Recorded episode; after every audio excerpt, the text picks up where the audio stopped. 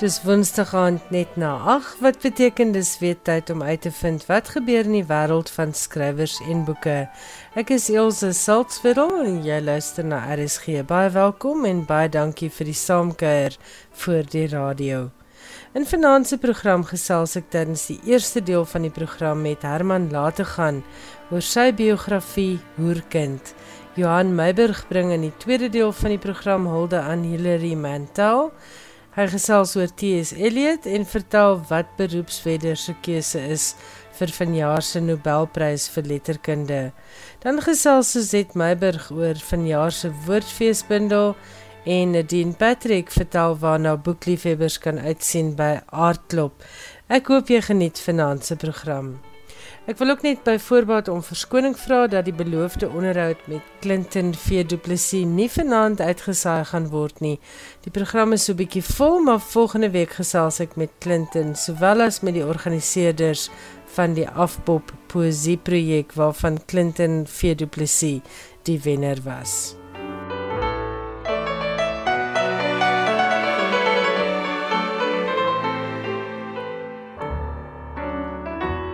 Herman Lategan is 'n bekende joernalis en rubriekskrywer. Daar het reeds twee boeke uit sy pen verskyn. Die eerste een was Binnekring van Spookasems en daarna Opstokers, Fopdossers en Twee Gat Jakkalse. Vanaand gesels ek en Herman Lategan oor sy baie regheid en openhartige biografie met die titel Hoerkind. Die gesprek is dalk so raps langer as gewoonlik maar ek glo aanhangers van Herman se artikels en rubrieke sal dit baie interessant vind.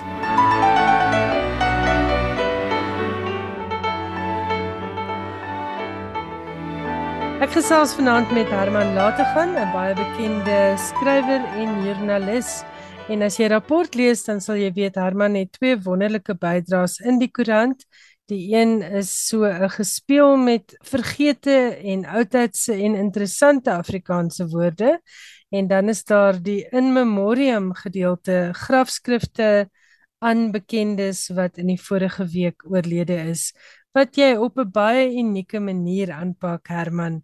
Baie welkom by Skrywers en Boeke. Baie dankie. Ek, ek waardeer dit. Vanaand praat ek met jou oor jou splinternuwe boek Hoerkind, die memoirs van 'n randeier.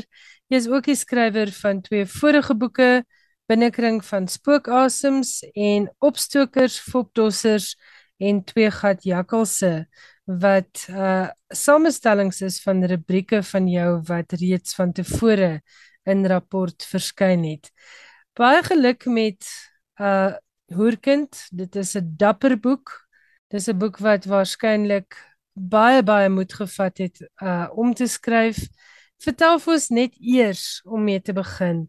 Waar kom jou liefde vir woorde vandaan? Ehm um, my liefde vir woorde is te danke aan die 1933 vertaling van die Afrikaanse Bybel. Kan jy dit glo?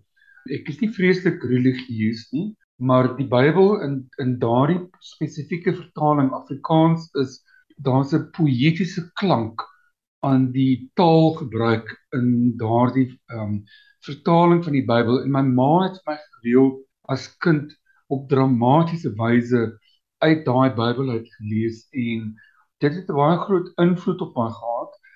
As jy net kyk na die, na die eerste paar sinne in daardie vertaling, in die begin het God die hemel en die aarde geskaap en die aarde was woes en leeg en duisternis was op die wêreld vloed. Nou ek meen more dramatic you can't get. Dit is so beautifully written, dit is pragtig. Dit is eenvoudig en sy het 'n uh, sin vir die dramatiese gehad. Sy het nogal taamlik dramaties in my voorgeles en as kind het dit 'n groot invloed op my gehad. Ook later toe sy met haar man getroud is wat 'n boer was en ons op 'n plaas was ek het naweke vir haar gaan kuier dan het ek gereeld geluister na die plaaswerkers se stories om die vuur in die aande. Dit was in Namakolandse Afrikaans en idiomatiese Namakolandse Afrikaans.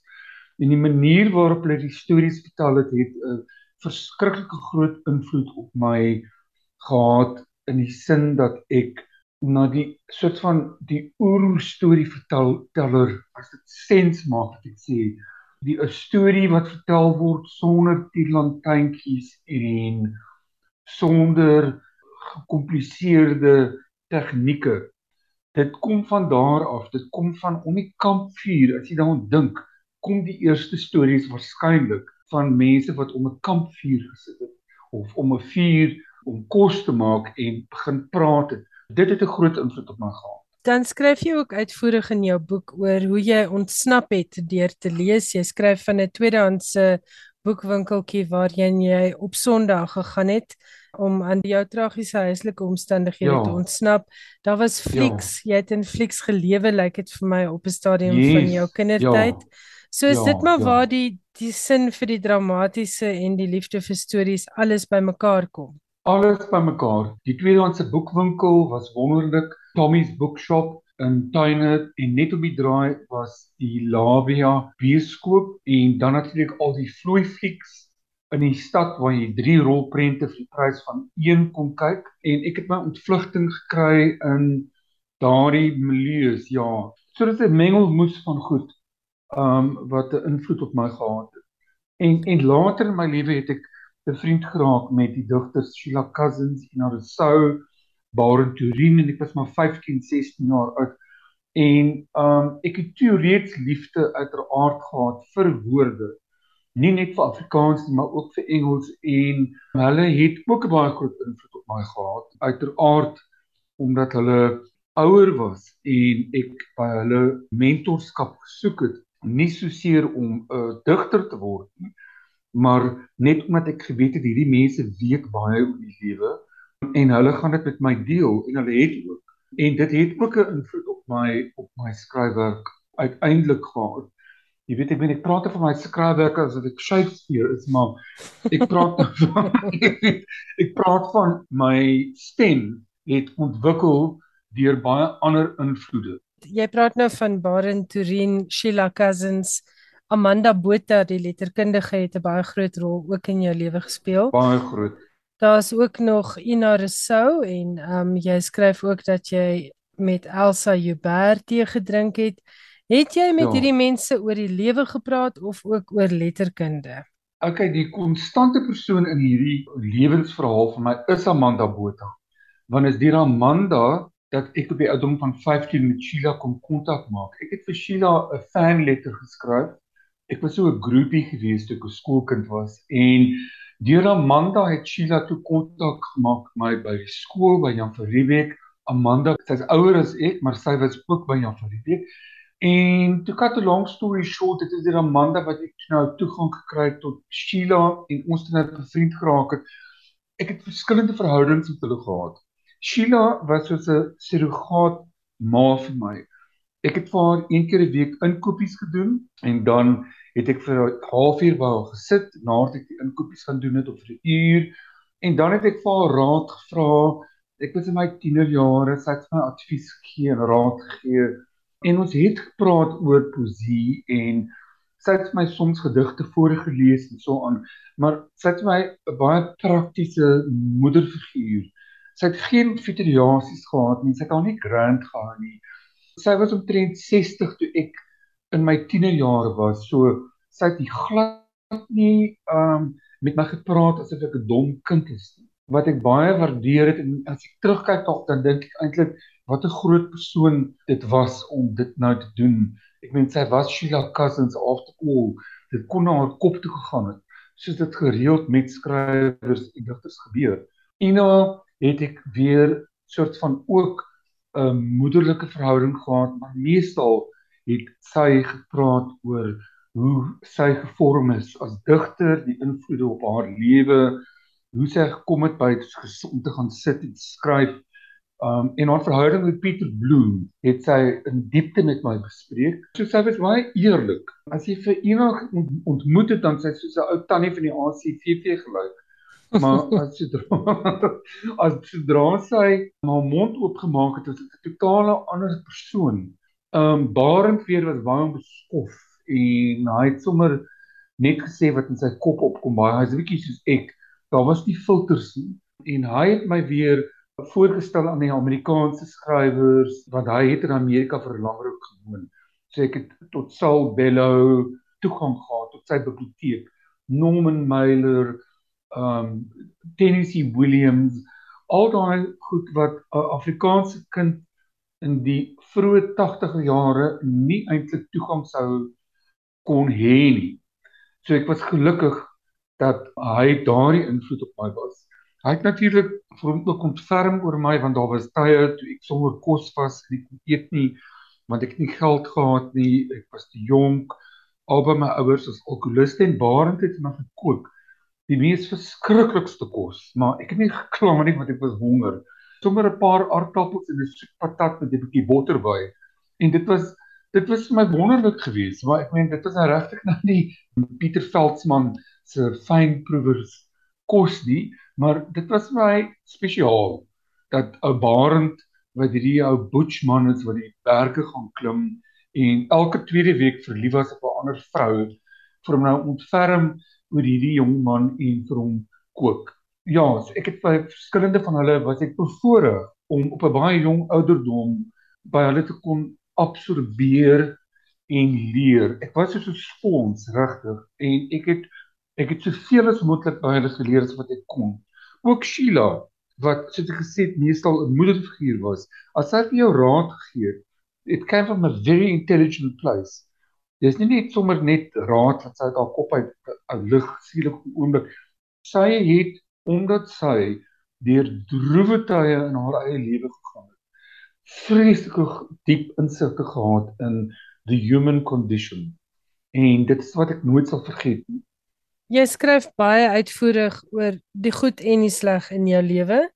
Maar ek wil weet wat was die prikkel vir die boek voordat ons 'n bietjie praat oor al die dinge waaroor jy skryf. Die boek het begin as 'n roman vir Fourie Botha by Penguin En die titel was Hoerkind gewees en toe ek begin skryf daaraan, toe dink ek maar ek is baie na aan hierdie karakter wat ek toe nou Maans noem, wat ook natuurlik 'n verkorting afkorting is vir Herman, Hermanus en die kind en ek is toe te na aan mekaar. Ek voel hierdie karakter en ons het baie autobiografiese goed wat gebeur in die roman en ek skryf dit toe klaar en ek gee dit vir Fourie en hy sê vir my jy weet wat besef jy dat jy by tye hierdie kind Herman noem?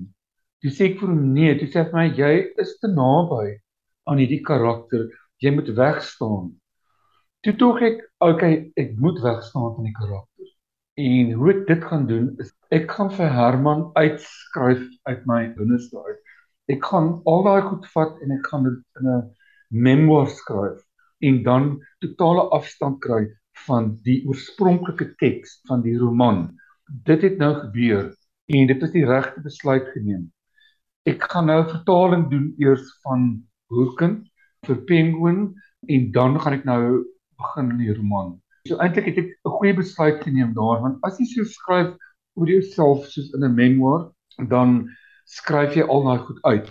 Dan is die fiksie wat ek gaan aanpak regtig fiksie wat nogal daunting is. Ek weet nie of ek dit gaan regkry nie. Ek is seker daarvan jy gaan iets baie onthoubaar skryf ten minste. Herman sê vir my 'n bietjie jy het met ander woorde nie die boek aangepak as terapie nie. Dit was suiwer 'n besluit om nou van ja. Herman se stryd afstand te doen sodat jy vorentoe vryer kan skryf. Maar het ja, jy dit as ja. terapie ervaar?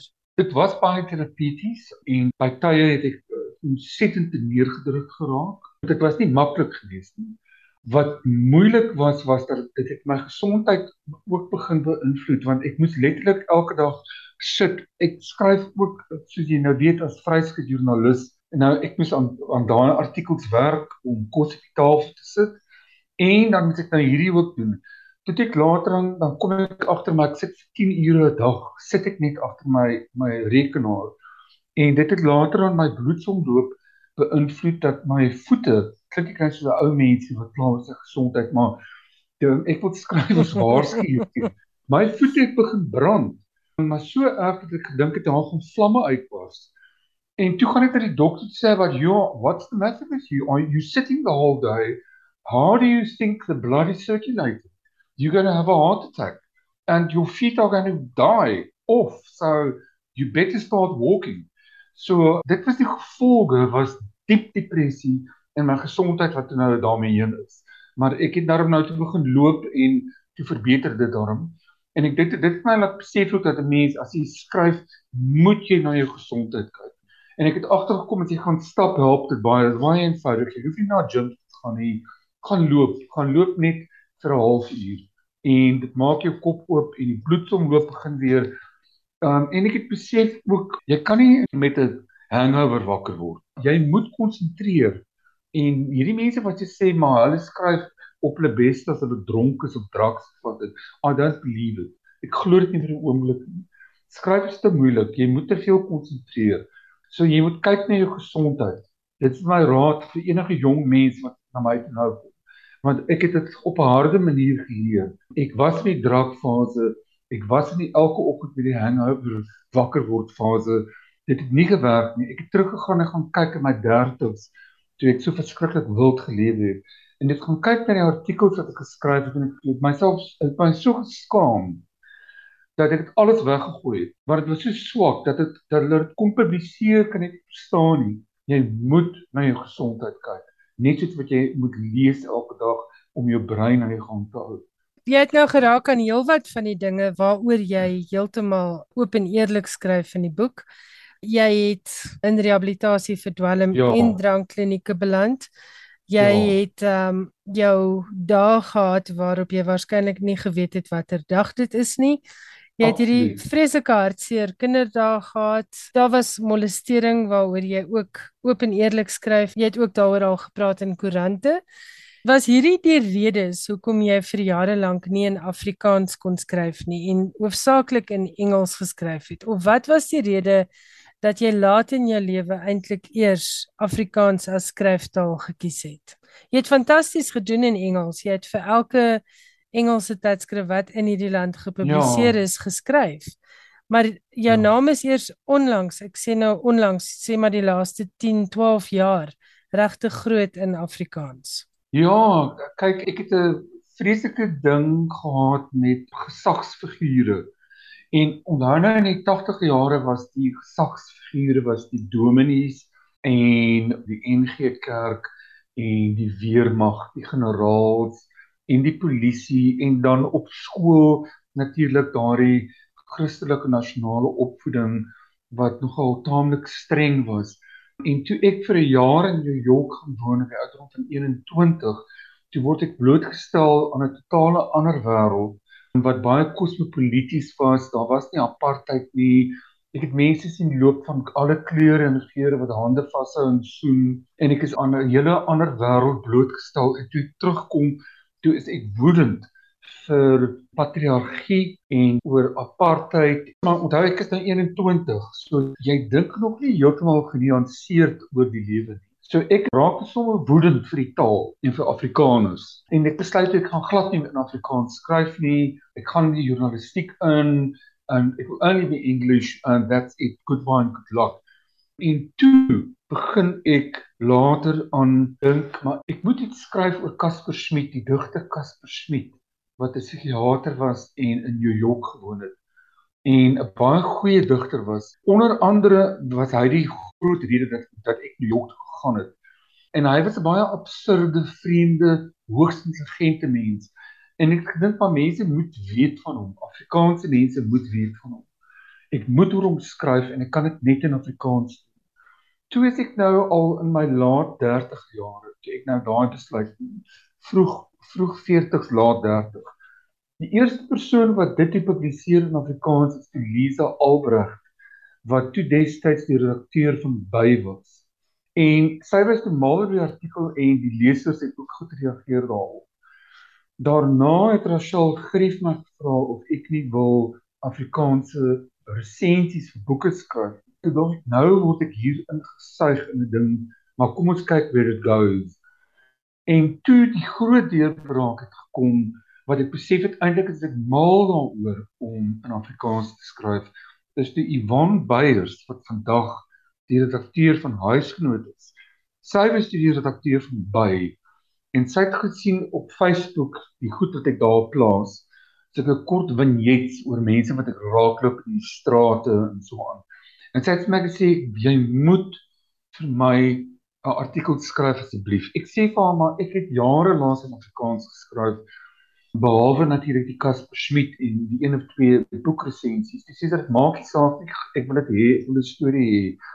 Yvonne Beyers is dus die kantelpunt in my lewe gewees want toe ek nou vir haar begin skryf, besef ek eintlik dat ek as missed out.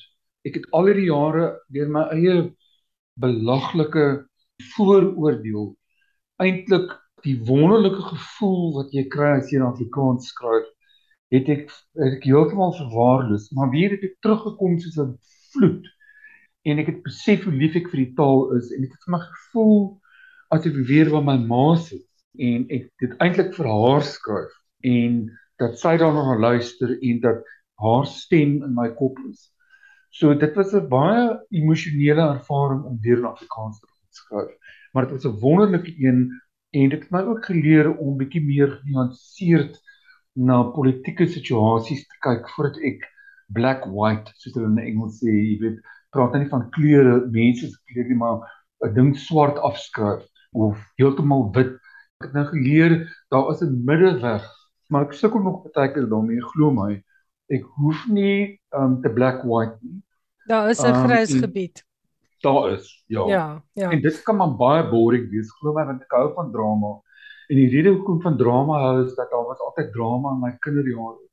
So ek moet myself altyd herinner dat ek besig om nou drama te maak tussen mense because I'm recreating my childhood. Gelukkig is ek bewus daarvan en dan weet ek wanneer om te stop. Maar partykeer weet ek nie wanneer om te stop nie. En dan kan ek groot moleste aanjaag, maar dan weet ek maar hoekom dit nou gebeur. So ek ek het daarom daai insig. Maar daar was al tye wat ek daarom vreeslik met ons is aangejaag. Maar nee, daaroor skryf jy in die boek, so mense moet dit lees. Ek wil by jou weet, daar was 'n tyd wat jy nie kon skryf nie. Wil jy 'n bietjie uitbrei ja. daaroor en ook oor hoe jy toe nou uiteindelik hierdie kom ons noem dit skrywersblok oorkom het? Ja.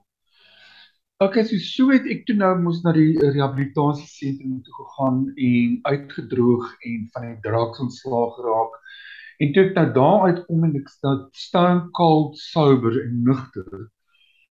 Toe kom al die ou spookbeelde uit die verlede, want dit was so verlammende gevoel. Ek was verlam. Ek was gefries, jy weet. Ek kon net eenvoudig nie en en ek het net gekyk na die rekenaarskerm.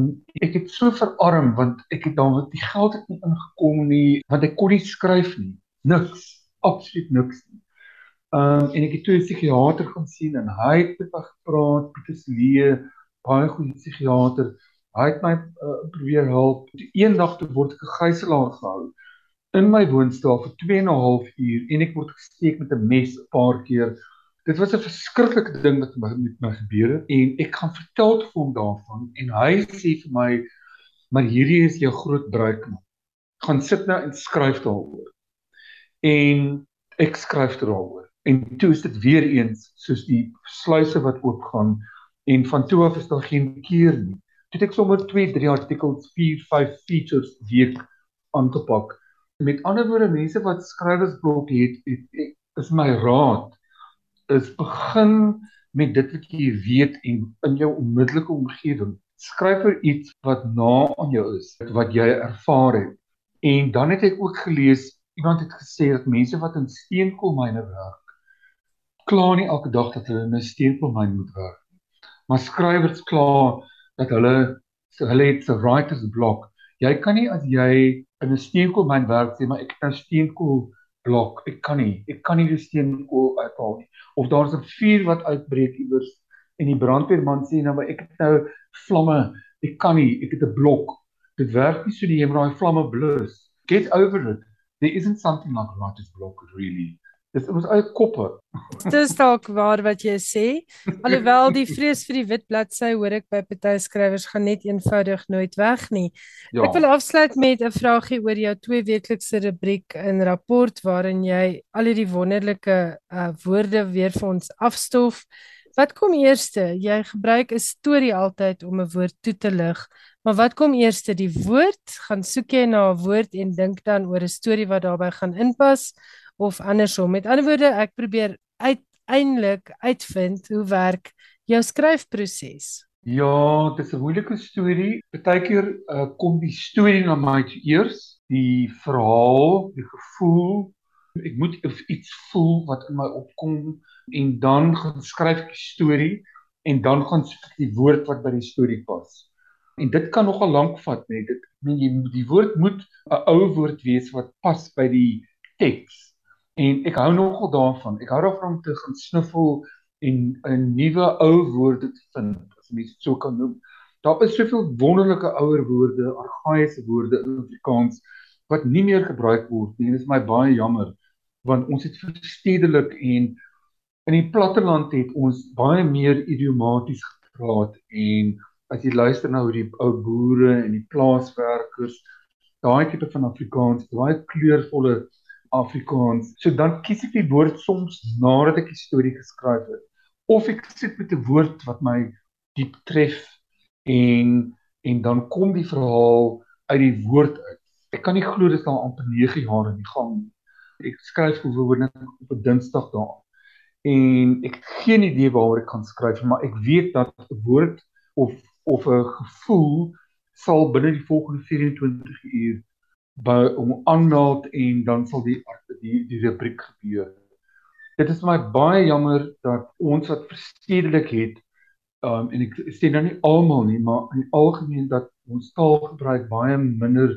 Ek dink nie daar word soveel mooi woorde meer gebruik nie. Dis steriel. En as jy teruggaan na die ou Namakoland se Afrikaans en Kaaps en ook na na byvoorbeeld in die Vrystaat in die platteland daar ingaan, dis 'n pragtige mooi ou Afrikaans wat jou regtig voel asof jy moedersmelk drink as jy daai woorde hoor en hoor hoe hulle praat. Dit is my modus operandi met met die rubriek en, en eintlik gaan dit oor my liefde vir vir ou woorde en en dit sit van 'n nostalgie na ou idiomatiese terme wat gebruik is op die platteland.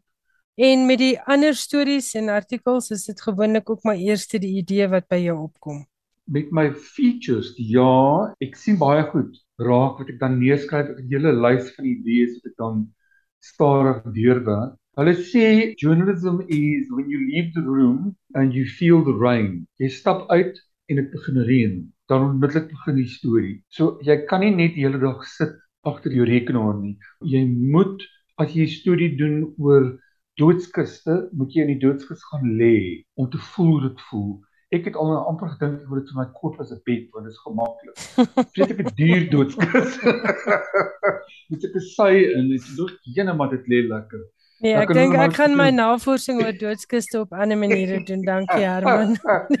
jy weet maar um, get into the coffin en uh, ek weet Dion Meyer het geskryf oor handsakke. Hy het 'n vrou gehad en toe sê iemand vir hom maar weet jy wat is 'n vrou se handsak uit hierdie karakter gaan. En toe sê hy nee eintlik eintlik net sê maar dan dan moet jy gaan stap met 'n handsak vir 'n dag of jy moet jy moet gaan kyk wat is in dit? Wat gaan jy in daai handsak sit? Ek dink Marlene van Niekerk het dit vir hom aanbeveel. So hy gesukkel het met 'n vroue karakter. En dit is ook interessant. Ek vind dit in die journalistiek werk dit ook so. Obviously is daar goed wat jy kan skryf van agter jou rekenaar of whatever. Jy weet, maar meestal is die goeie stories die staan, die stories waar jy letterlik ingaan in die trenches omdat min mense dit deesdae doen. So gesels Herman laat te gaan en ek kan sy memoirs van 'n randeier met die titel Hoerkind beslis aanbeveel. Herman baie dankie vir jou tyd. Baie dankie vir jou, ek waardeer dit. Ek het gesels met Herman laat te gaan en sy biografie Hoerkind word uitgegee deur Penguin Random House. Gereelde luisteraars sal beslis die naam Hilary Mantel ken. Die Kanadese skrywer is onlangs oorlede en Johan Meiber gesels nou met ons oor haar lewe en werk. Ek was geskok en verslae om te hoor van Hilary Mantel se dood. Het die Kanadese skrywer Margaret Atwood verlede week aan The Guardian gesê. Dit was altyd groot vreugde om die werk te lees van so 'n bekwame, noukeurige en bedagte skrywer Een wat so 'n greep kon kry op die donker, spinnekopagtige hoeke van menswees. Kom Tobin, die Ierse skrywer, het op sy beurt verwys na Mantel se verbeeldingryke benadering tot skryf. Sy kon historiese kragte met soveel helderheid sien en verbeeld, het hy gesê. Maar daarbey kon sy met vaardigheid en charme die kleinste en intiemste toneel vergestel. Haar spektrum was verbasend. Dit was nie net haar historiese navorsing wat indrukwekkend was nie, maar ook hoe sy 'n toneel kon optower. Mantel is verlede week dood op die ouderdom van 70. Mantel het die Booker-prys by twee geleenthede gewen. In 2009 vir Wolf Hall, 'n fiktiewe weergawe van Thomas Cromwell se opgang aan die hof van koning Henry die 8ste, en in 2012 vir die opvolg Bring Up the Bodies. Die derde boek in die Cromwell trilogie, The Mirror and the Light, was op die langlys van die Booker. Bring Up the Bodies is in 2012 ook aangewys as die Costa boek van die jaar. Haar romans is in meer as 40 tale vertaal en meer as 5 miljoen eksemplare van haar boeke is wêreldwyd verkoop. Mantell is in 1952 gebore in Glossop in Derbyshire en sy het reg gestudeer aan die London School of Economics en die Sheffield Universiteit. In 1974 het sy begin werk aan 'n roman oor die Franse Revolusie wat in 1992 gepubliseer is as A Place of Greatest Safety. In 1977 het Mantel en haar man, 'n geoloog, verhuis na Botswana waar hulle vir 5 jaar gewoon het. Daarna het hulle vir 4 jaar in Saudi-Arabië gewoon voordat hulle in die middel 80's terug is na Brittanje. Altesaam 17 boeke van haar het verskyn, onder meer haar memoir Giving Up the Ghost in 2003. Sy is in 1990 verkies tot genoot van die Royal Society of Literature en in 2014 het sy Britse ridderskap ontvang en het sy bekend gestaan as Dame Hilary Mantel. Dankie Johan Meiburg. Volgende week word daar woordfees gehou en dan kan boekliefhebbers ook weer 'n nuwe woordfeesbundel aanskaf. Suzet Meiburg, mede-samesteller van hierdie baie gewilde jaarlikse kortverhaalbundel, vertel waarna lesers vanjaar kan uitsien. Die nuwe woordfeesbundel met die titel Wild is die resultaat van 'n kortverhaalwedstryd wat verjaar vir die 7de maal aangebied is. Ons het 366 verhale ontvang, die meeste inskrywings nog en die samestellers is ekself, Walda Jansen en Marius Swart. Die bundel word op Maandag 10 Oktober by die Woordfees bekend gestel en sal vanaf die Dinsdag te koop wees. Die wenverhaal word ook by die bekendstelling aangekondig en die skrywer ontvang 'n kontantprys van R30000 wat geborg word deur die Toeskloof Wyne. Die ander skrywers ontvang elkeen prysgeld van R5000. Vanjaar se 23 verhale bied weer eens 'n wonderlike verskeidenheid van temas en stemme. Dis soos 'n kaleidoskoop wat 'n komplekse, kleurryke beeld gee van die tydsgees en die plek waar ons samelewing vandag staan. Twee van die skrywers, Deborah Steinmeier en Michelle Meyer, het vanjaar vir die 5de keer die bundel gehaal terwyl dit Madeleine Welman se 4de keer is. Daarby het twee bekroonde digters, Lynthia Julius en Ryan Petru, ook die bundel gehaal met hulle uitstekende kortverhale, onderskeidelik Plat lê soos 'n menorah blyheid en Die brug. Met die COVID-pandemie wat nog vars in ons geheue is, is dit te verwagte dat skrywers dit nog steeds as tema sou kies, soos Koodie Harmse se treffende verhaal in 'n blik gedruk. Nog 'n brandende kwessie in ons samelewing is kinders wat geboelie word en die tragiese gevolge daarvan spreek uit die verhaal Pink Springtou deur Keith Oliver Lewis. Die gesegde lui dat 'n mens moet oppas vir die wraak van 'n verontregte vrou en daarvan getuig die verhale Soet deur Michelle Meyer en Die Lapop deur Antoinette Didericks. 'n Ander soort wraak word uitgebeeld in Potter deur die krimi skrywer Sidney Kilroy en ook Die kuns van onderhandeling deur Dieneke Volskenk. Nog 'n ernstige tema in die bundel is verhale wat verband hou met die onregte van apartheid, naamlik Die kruis teen die Kasper deur Dou Steyn en Erger als een dief gestolen deur Ilse Skoonwinkel Pau. Op 'n meer persoonlike trant gaan Huisvrou deur Lara Malherbe oor seksuele misbruik binne 'n verhouding, terwyl Donovan Greef se Buiteperke ook handel oor 'n gekwelde liefdesverhouding. Die bult oor deur Helena Gunter sorg vir 'n ligter kyk na onmin tussen twee ou getroudes. Daar is ook verhale wat 'n besonderse menslikheid uitbeeld, naamlik enerzijds anders, anderzijds eners deur Hannes Loubser en Die Oeberrit deur Cliffordine Norton. Aan die nostalgiese kant kyk Marie Turin se verhaal Karima se kafee na die ou distrik 6.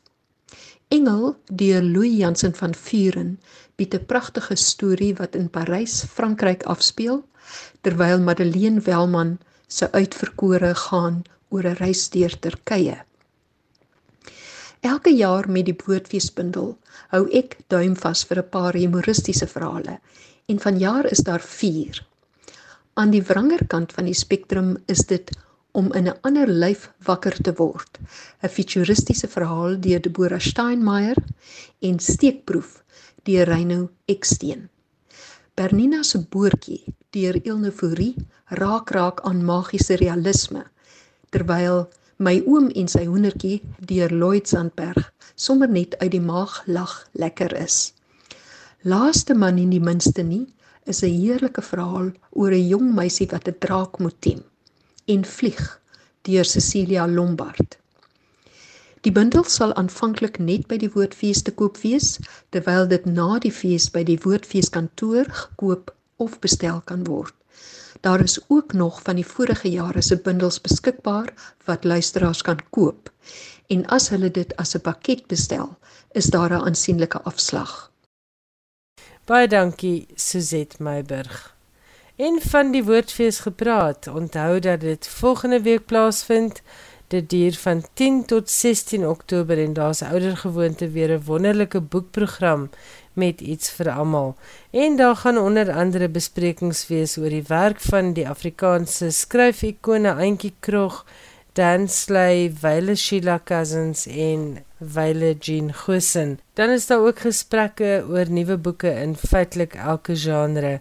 Gaan maak gerus 'n draai op www.woordfees.co.za en gaan kyk wat het samesteller Elmarie Rautenbach hierdie jaar vir jou op die boekprogram van die Woordfees gesit. En terwyl jy daar by die boektent is volgende week, onthou RSG gaan ook weer daar wees. Ons is op ons gewone plek by die Plataan en ons nooi jou om 'n draai te kom maak. Ek en Johan Meiber gaan ook op verskillende dae 'n draai maak by die Woordfees in Stellenbosch. Kom groet gerus. Skrywers en boeke Alles wat jy oor die boekewêreld wil weet en meer. Die Nobelprys vir letterkunde word môre aangekondig en Johan Meiber gaan nou met ons gesels oor beroepswedders se raaiskote oor wie vanjaar bekroon gaan word met die gesogte prys. In die aanloop tot môre se aankondiging van die wenner van die 2022 Nobelprys vir letterkunde, is daar heelwat opspraak oor 'n moontlike wenner en beroepswedders het ook nie op hulle laat wag nie. Maar 'n mens moet nie op prinse vertrou nie, want in die verlede het skrywers al gewen wie se name hoegenaamd nie op sogenaamde kandidaatlyste was nie. Dink maar aan Abdul Razak Gurna wat verlede jaar gewen het. Nietemin het Nicer Odds, een van die beroepswedders, sy lys saamgestel en dit lyk so. Ek gee net die eerste 10 name op die lys en noem dan enkele verrassings. In die eerste plek die voorloper Michel Olubek met 7 teen 1. Salman Rushdie met 18 teen 1. Ngugi wa Thiong'o 10 teen 1. Stephen King 10 teen 1. Annie Arnaud 12 teen 1. Gabriel Lutz 12 teen 1. Pierre Michon 12 teen 1. Robert Coover 12 teen 1. Haruki Murakami 14 teen 1 en Anne Carson 16 teen 1.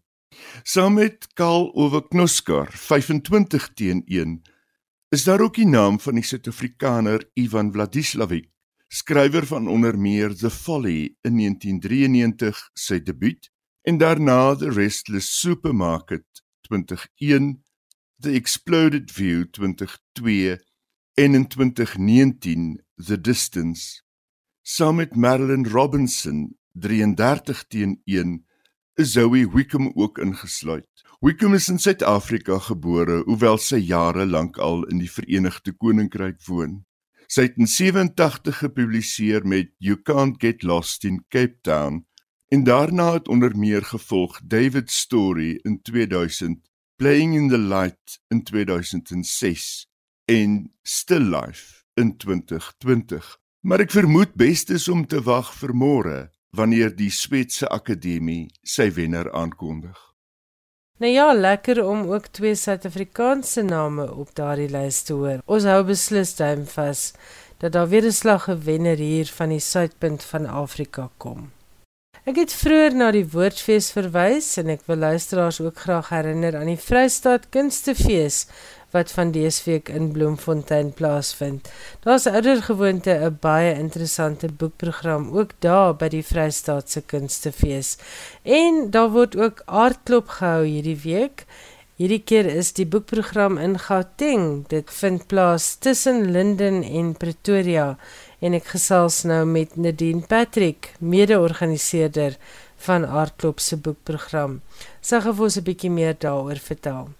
Nadine, jy het gehelp met die samestelling van hierdie program. Waarna kan feesgangers uitsien? En ook waar gebeur alles? Hallo Ilse, ja, altyd lekker om op jou program te kuier.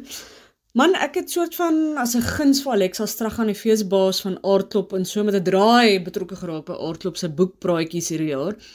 Ek het uiteindelik met die hulp van my baie gewaardeerde boekkollega Eben Pinaar van NB 'n program aan mekaar geslaan wat hopelik in almal se smaak sal val. Um die boekgesprekke vind als plaas op 6, 7 en 8 Oktober en dit uh, gebeur by twee verskillende venues.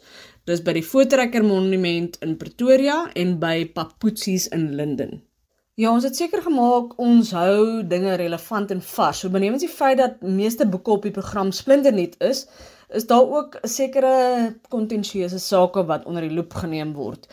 Eskom is natuurlik elke dag in die nuus. So een van die gesprekke wat my persoonlik baie opgewonde maak, is Lorenza Eckart se gesprek met Carl Cohen wat Sabotage Eskom Under Siege geskryf het. Almal soek antwoorde oor hierdie probleem. So ek dink dit is 'n gesprek wat potensieel baie mense gaan lok.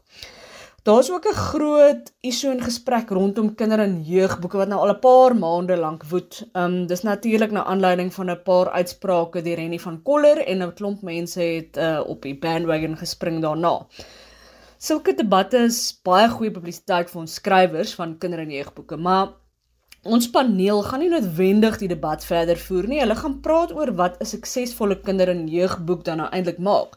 So, hoe lok jy 'n nuwe generasie weg van Netflix en TikTok en hoe kry jy hulle weer aan die lees?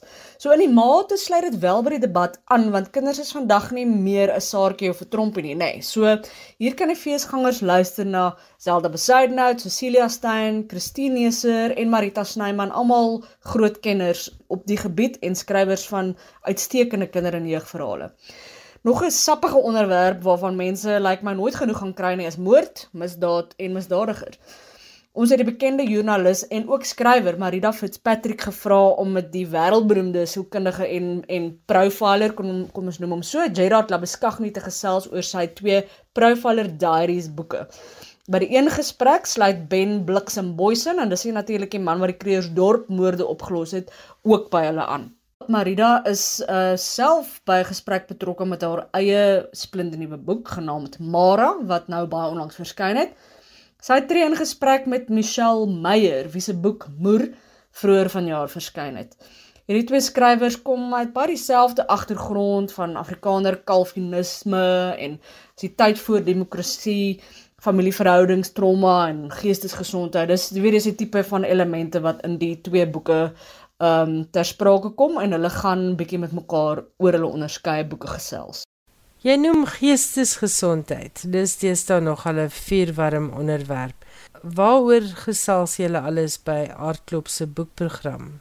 Ja, Ilse, ek dink nie mens kan ooit genoeg skryf of lees oor geestesgesondheid nie. Dit is 'n moeilike maar belangrike onderwerp om te verstaan. So, ons het sommer twee gesprekke wat dit op 'n manier aanspreek.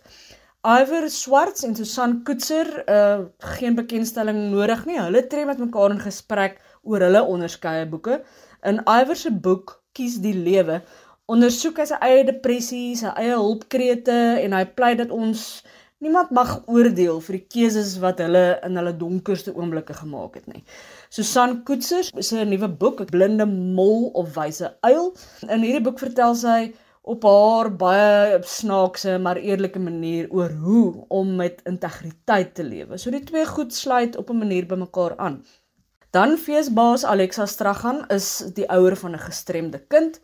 Sy gesels met skrywer en spraakterapeut Christine Neser oor hoe om 'n kind wat anders is groot te maak. Help my kinders anders is 'n uitstekende praktiese gids deur onder andere sielkundiges, spraakterapeute, fisio's, spelterapeute, ander medisy en dis almal mense wat hulle kennis en ervaring en geheime met Christine gedeel het. En sy sit natuurlik self al vir 40 jaar in praktyk. Sy is ook 'n een van ons bekende kinder- en jeugboekskrywers, maar in hierdie spesifieke gesprek praat hulle oor kinders wat anders is. Dis 'n baie baie goeie boek. Is daar ander hoogtepunte wat jy wil uitsonder? Ja, kan jy glo? Natuurlik is daar nog hoogtepunte. Ehm um, die baie bekende boekjoernalis Phyllis Green gesels met Kirby van der Merwe en Zirk van der Berg. Uh Kirby se boek Eugene het vroeër vanjaar verskyn. Zirk van der Berg se splinternuwe Die onsigbare Pou het uh, pas verskyn. Hy kuier bietjie uit die buiteland hier, so dit is twee harde baarde wat saamgesel, so dit gaan 'n baie opwindende gesprek wees. Dan Felicia Snyman de Toy, Dina Botha en Didi Potgieter praat oor boekskryf, vrou wees en natuurlik die liefde, want ehm um, lesers van romansas sal hulle name herken as van ons bekendste en geliefde romansa skrywers. Dan is ons terug by Phyllis. Sy vra vir Marie Lots, Janet Paul en Madeleine Rust uit oor hoe dit voel om hoekskoene op 'n moordtoneel te dra. So dit is drie van ons vroulike krimi skrywers, Janet ook bekend vir haar liefdesverhale en lekker stories. Madeleine uh, se boek is meer van toekomsfiksie, maar alles van dit het 'n thriller element, so ook 'n baie lekker gesprek om na uit te sien. En dan drie ander manne waarna jy kan uh uitkyk is Freek Robinson, Johan Meiburg, Frans Johan Pretorius. So dis 'n propvol program. Wat kos die praatjies by Aardklop se boekprogram in Pretoria en Linden en waar kan mense presies uitvind wanneer en wat gebeur? Ja, die lekkerste ding van Aardklop se boekgesprekke is natuurlik dis gratis en verniet. So gaan kyk gerus op die webwerf uh, om te sien waar en wanneer hierdie genoemde skrywers almal gaan optree maar gaan ondersteun hulle gerus. Regtig waar COVID het almal lam gelê. Ek dink almal is is opgewonde en lus om bietjie uit te kom en weer te gaan luister na na ons skrywers. So maak 'n plan, gaan kuier in Linden, gaan kuier by die Voortrekker Monument en gaan koop sommer die boeke. Ek het gesels met Nadine Patrick, mede-organiseerder van Aardklop se boekprogram. Onthou dit is hierdie jaar versprei tussen Potch, Pretoria en Linden en die boekprogram is tussen 6 en 9 Oktober in Pretoria en Linden. Dis dan nou van môre tot die naweek. Nou sluit ons die program af met Johan Meiburg se bydrae oor T.S. Eliot se beroemde gedig The Wasteland en 'n nuwe biografie wat daaroor geskryf is. Ek sluit af met T.S. Eliot In Oktober 1922, 100 jaar gelede, het 'n gedig van 'n Amerikaanse digter in 'n Britse kwartaalblad, The Criterion, verskyn. Sonder vanvare, sonder 'n inleiding en sonder enige kommentaar, net die gedig van 434 lyne. Die gedig is in Desember 1922 in boekvorm gepubliseer. En die vyfdelige gedig het een van die bekendste verse van die 20ste eeu geword en daarmee saam 'n baken in moderne verskuns. Die gedig is The Wasteland. Om die mylpaal te vier, verskyn daar vanjaar verskeie boeke oor die gedig en oor Eliot wat in 1927 'n Britse burger geword het. Die tweede deel van Robert Crawford se biografie van die digter Eliot After the Wasteland verskyn in opvolging van die eerste deel wat in 2016 verskyn het, Young Eliot from St Louis to the Wasteland. Die feit dat die titel van die gedig in albei boektitels figureer, is reeds aanduiding van die skarnier wat The Wasteland in Eliot se bestaan is. Van Lyndon Gordon, 'n skrywer wat reeds heelwat oor Eliot geskryf het, verskyn in November The Hyacinth Girl, T.S. Eliot's Hidden Muse, 'n boek waarin Gordon die plek van Emily Hale in Eliot se verbeeldingswêreld verken. Dit doen hy aan die hand van meer as 1000 briewe van Eliot aan Hale. Die briewe het jare lank in die Princeton Firestone biblioteek gelê en die inhoud daarvan is eers in 2019 onthul. En dan is daar Matthew Hollis se The Wasteland, A Biography of a Poem wat in Desember verskyn. Hollis ontdek die agtergrond waaruit die gedig tot stand gekom het. Eliot se kinderdae in Missouri, sy akademiese opleiding aan Harvard, sy huwelik met Vivian Haywood, sy vriendskap met Ezra Pound, 'n digter wat 'n belangrike rol gespeel het in die totstandkoming van die gedig en die bronne waaruit Eliot geput het. Hollis betrek ook heelwat van Eliot se korrespondensie in die voorstelling van die lewe van 'n gedig wat hy gee. Moet ook nie uit die oog verloor Candy Crush se app met die titel The Wasteland wat die gedig 'n digitale lewe gee met verskillende voorlesings, agtergrondverklaringe en haas alles wat 'n toepassing van die aard kan bied. 'n Mens kan in die voorlesings die stemme hoor van T.S. Eliot Alec Guinness, Ted Hughes, Viggo Mortensen, Eileen Atkins en Jeremy Irons. Hier is egter 'n video voordrag, meer as voorlesing deur Fiona Shaw. Die deel wat sy aanbied, is die laaste gedeelte uit A Game of Chess, die tweede deel van The Wasteland. When Lil's husband got demobbed, I said, I didn't mince my words. I said to her myself, Hurry up, please, it's time. Now, Albert's coming back. You make yourself a bit smart. He wanted to know what you'd done with that money he gave you to get yourself some teeth. He did, I was there. You have him all out, Lil, and get a nice set, he said. I swear I can't bear to look at you. And no more can't I, I said. And think of poor Albert. He's been in the army four years. He wants a good time. And if you don't give it him, there's others will, I said. Oh, there, she said. Well, something of that, I said. Then I'll know the thanks, he said, and give me a straight look. Hurry up, please, it's time. If you don't like it, you can get on with it, I said. Others can pick and choose if you can't, but if Albert makes off, it won't be for lack of telling. You ought to be ashamed, I said, to look so antique. And you're only 31. I can't help it, she said, pulling a long face. It's them pills I took to bring it off, she said. She said five already. Nearly died of young George. The chemist said I'd be all right, but I've never been the same. Well, you are a proper fool, I said. Well, if Albert won't leave you alone, I said, there it is, I said. What you get married for if you don't want children? Hurry up, please, it's time. Well, that Sunday, Albert was home. They had a hot gammon. They asked me into dinner to get the beauty of it. all. hurry up, please, it's time. Hurry up, please, it's time. Good night, Bill. Good night, Lou. Good night, May. Good night. Good night to. Good night. Good night. Good night, ladies. Good night. Sweet ladies. Good night.